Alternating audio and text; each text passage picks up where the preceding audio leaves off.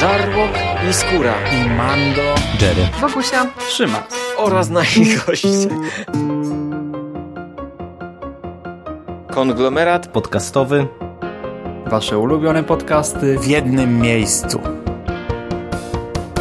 Zapraszamy. Zapraszamy. Zapraszamy. zapraszamy. Zapraszamy.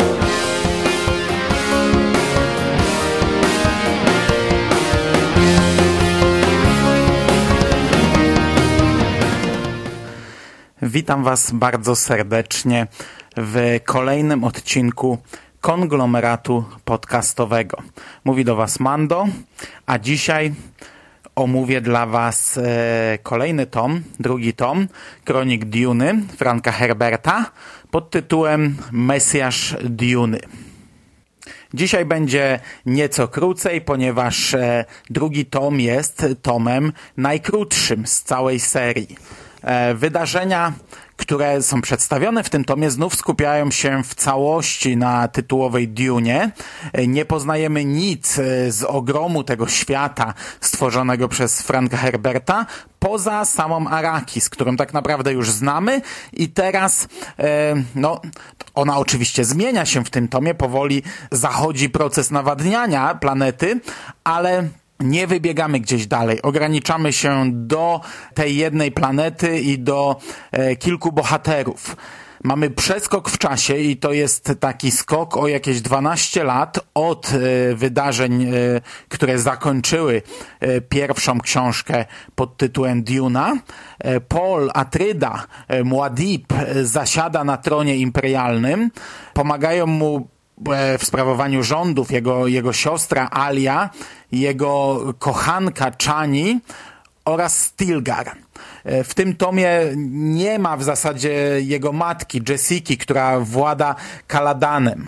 Paul Muad'Dib jest nowym cesarzem, natomiast e, Fremeni poprowadzili dżihad Muadiba i w ciągu tych 12 lat podbili niemal cały świat niemal wszystkie planety. E, zabite zostały miliardy ludzi w imię nowej religii, w imię religii Muadiba, w imię religii, e, w której Paul, główny bohater poprzedniego tomu i również tego jest Bogiem. Jest traktowany niczym Bóg. Nikt e, w całym świecie nie jest w stanie przeciwstawić się Muadibowi. E, Muadib kontroluje melanż, a bez melanżu rozpadnie się w zasadzie cały wszechświat oraz Muadib stoi na czele fanatycznych legionów Fremenów, którzy w każdej chwili są w stanie przeprowadzić rzeź, w każdej chwili są w stanie zniszczyć w zasadzie każdy e, dostępny, każdy możliwy świat.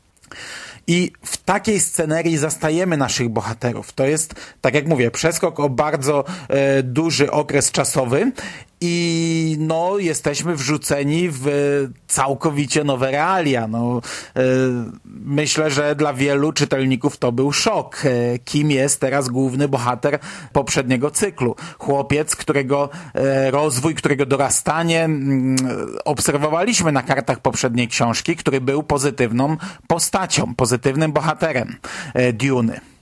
Tym razem drugi tom, Mesjasz Duny, to jest opowieść o dworskich intrygach. Na tym skupia się całkowicie ten tom.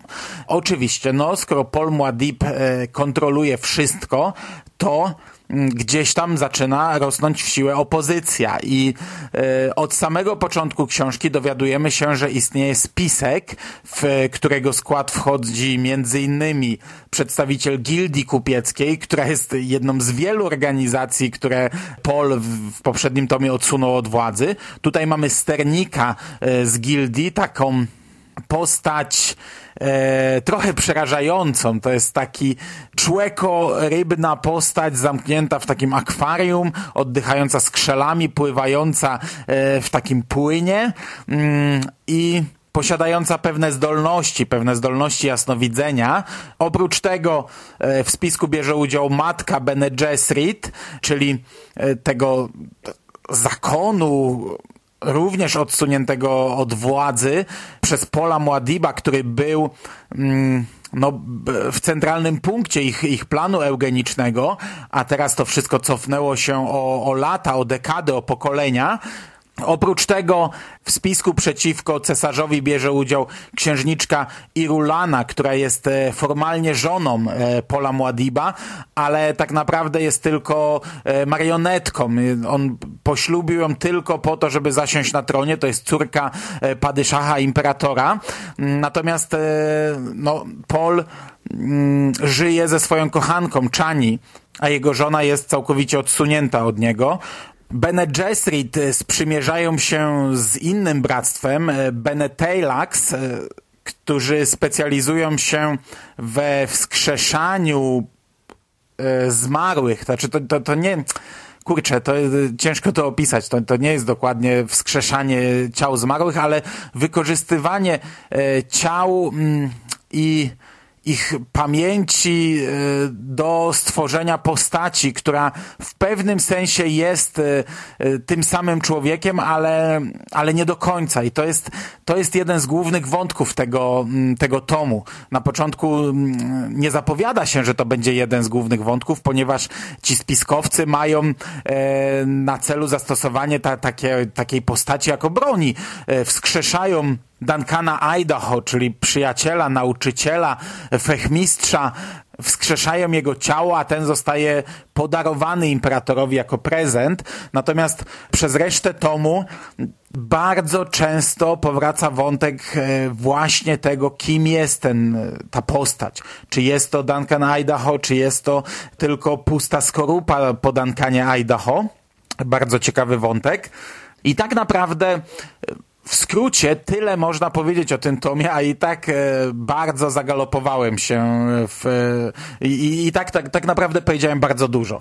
Tak, tak jak mówię, to jest bardzo krótka książka i w zasadzie cała ogranicza się do, do tych intryg, do tego spisku. Kto tutaj spiskuje, e, kto okaże się wierny, a kto, a kto nie. No, Muad'Dib nie ma dziedzica, ponieważ e, Chani mm, jest faszerowana nieświadomie mm, środkami e, antykoncepcyjnymi, natomiast e, Irulana, czyli ta e, księżniczka, marionetka, no nie sypia z, z Polem. Pol z nią nie sypia. Ona jest odsunięta całkowicie od jego łoża i kwestia dziedzica, kwestia tego zarówno mm, następcy tronu, jak i materiału genetycznego dla Bene Gesserit jest tutaj również dość mocno poruszana.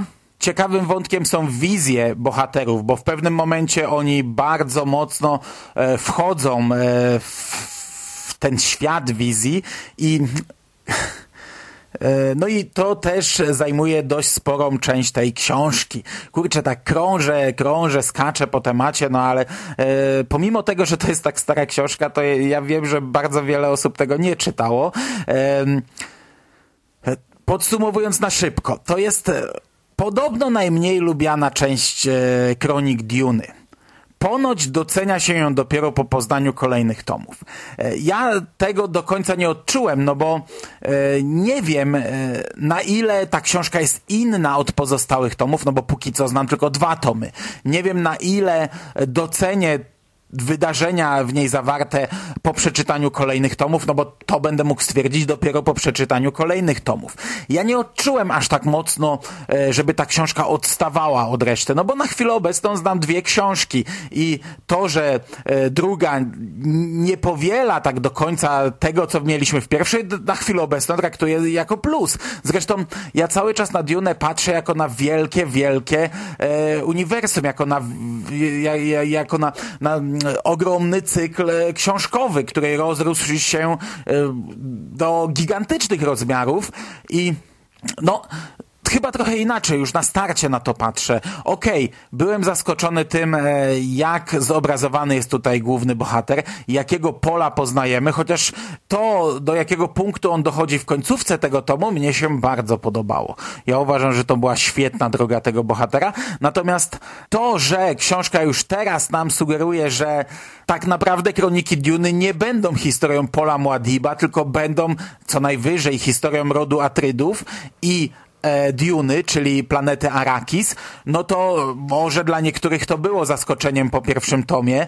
E, no, dla mnie nie było. Dlatego ja nie widzę w tej książce aż tak wielkiej inności. Jedyne, co tutaj jest tak naprawdę inne, to to, że ona jest krótsza, no i musi się siłą rzeczy skupić tylko na kilku wątkach. E, nie ma tej, mm, nie ma tego tak, tak wielkiego rozmachu jak w pierwszym tomie, nie ma tylu skoków czasowych. Przecież pierwszy tom opisywał nam naprawdę bardzo duży przedział czasowy, natomiast tutaj skupiamy się na konkretnych rzeczach. Mamy bardzo skondensowany ten, ten drugi tom, ale mnie się to czytało świetnie. To jest naprawdę bardzo dobra kontynuacja. Ciężko mi powiedzieć, jak to będzie dalej, no bo e, drugi tom zamyka i to tak e, definitywnie zamyka w zasadzie pewien rozdział tej historii, ale mam ochotę, mam ochotę czytać to dalej. Dla mnie, dla mnie rewelacja.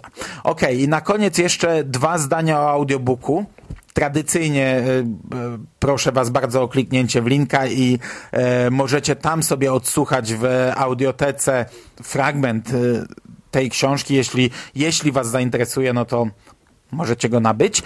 Natomiast audiobook, audioteka ma całe kroniki Duny w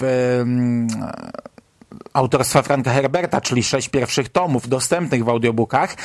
On już jest w innej interpretacji to już nie jest Krzysztof Gosztyła. Tę książkę czytam Miło Gostreczek. E, ja przyznam, że to był mój pierwszy kontakt e, z tym lektorem i to był bardzo dobry kontakt. Okej, okay, no zawsze po Krzysztofie Gosztyle to się będzie mówić, że jednak, jednak jesteśmy przygotowani na to, że schodzimy tam e, krok czy kilka kroków niżej. No, no podchodzimy jednak starczą do tego, ale też ze świadomością. Wiemy, że e, będzie gorzej. Natomiast e, jeśli jest dobrze albo bardzo dobrze, pomimo tego, że troszeczkę gorzej, no to rewelacja, rewelacja. I tutaj jest naprawdę bardzo dobrze. Co odróżnia tę interpretację od pana Krzysztofa, to fakt, że pan Reczek mm, trochę wczuwa się w interpretację niektórych głosów. Niektóre głosy odgrywa, ale to mamy do czynienia tylko w przypadku takich skrajnych głosów. Jeśli, jeśli wiecie, mówi stara matka, stara czarownica, no to e, nadaje jej odpowiedni głos. Jeśli mówi karzeł, no to też bardzo mocno przerysowuje mu ten głos w drugą stronę. E, jeśli mówi sternik, ta, ta rybopodobna istota, no to też e, jest to głos przerysowany. Natomiast pozostałe, pozostali bohaterowie normalnie powiedzmy z tego środka, nie ze skrajności. E, tutaj nie, tutaj e, już lektor nie bawi się w interpretację głosów, po prostu czyta nam bardzo poprawnie tę książkę i ja jestem spokojny, no bo pozostałe audiobooki z tej serii są wydane w tej interpretacji i dla mnie bomba. Nie odbiłem się od tego, naprawdę słuchało się tego świetnie, e, więc najprawdopodobniej niedługo przesłucham całość. Wam pozostaje mi tylko polecić. Mesjasza Duny, przy czym Pamiętajcie, że to nie jest książka, którą można czytać w oderwaniu. W zasadzie, jeśli o tym nie wiecie, to, to wyraźnie tutaj podkreślam, to jest e, kontynuacja. E, nie czytamy tego wybiórczo. Jeśli już e, zasiądziecie do Duny, to od początku do końca, albo według kolejności chronologicznej, to bardzo łatwo wyszukać sobie taką kolejność w internecie, ale wydaje mi się, że dużo lepsza jest ta czyli Mesjasz Duny jako drugi. Absolutnie nie przed Duną. I to by było na dzisiaj wszystko. Bardzo Wam dziękuję za uwagę.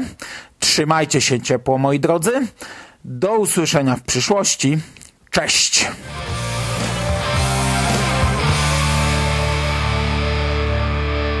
You finished? That's it, man. Game over, man. It's game over. What the fuck are we gonna do now? What are we gonna do? It's over. Nothing is over! Nothing! You just don't turn it off!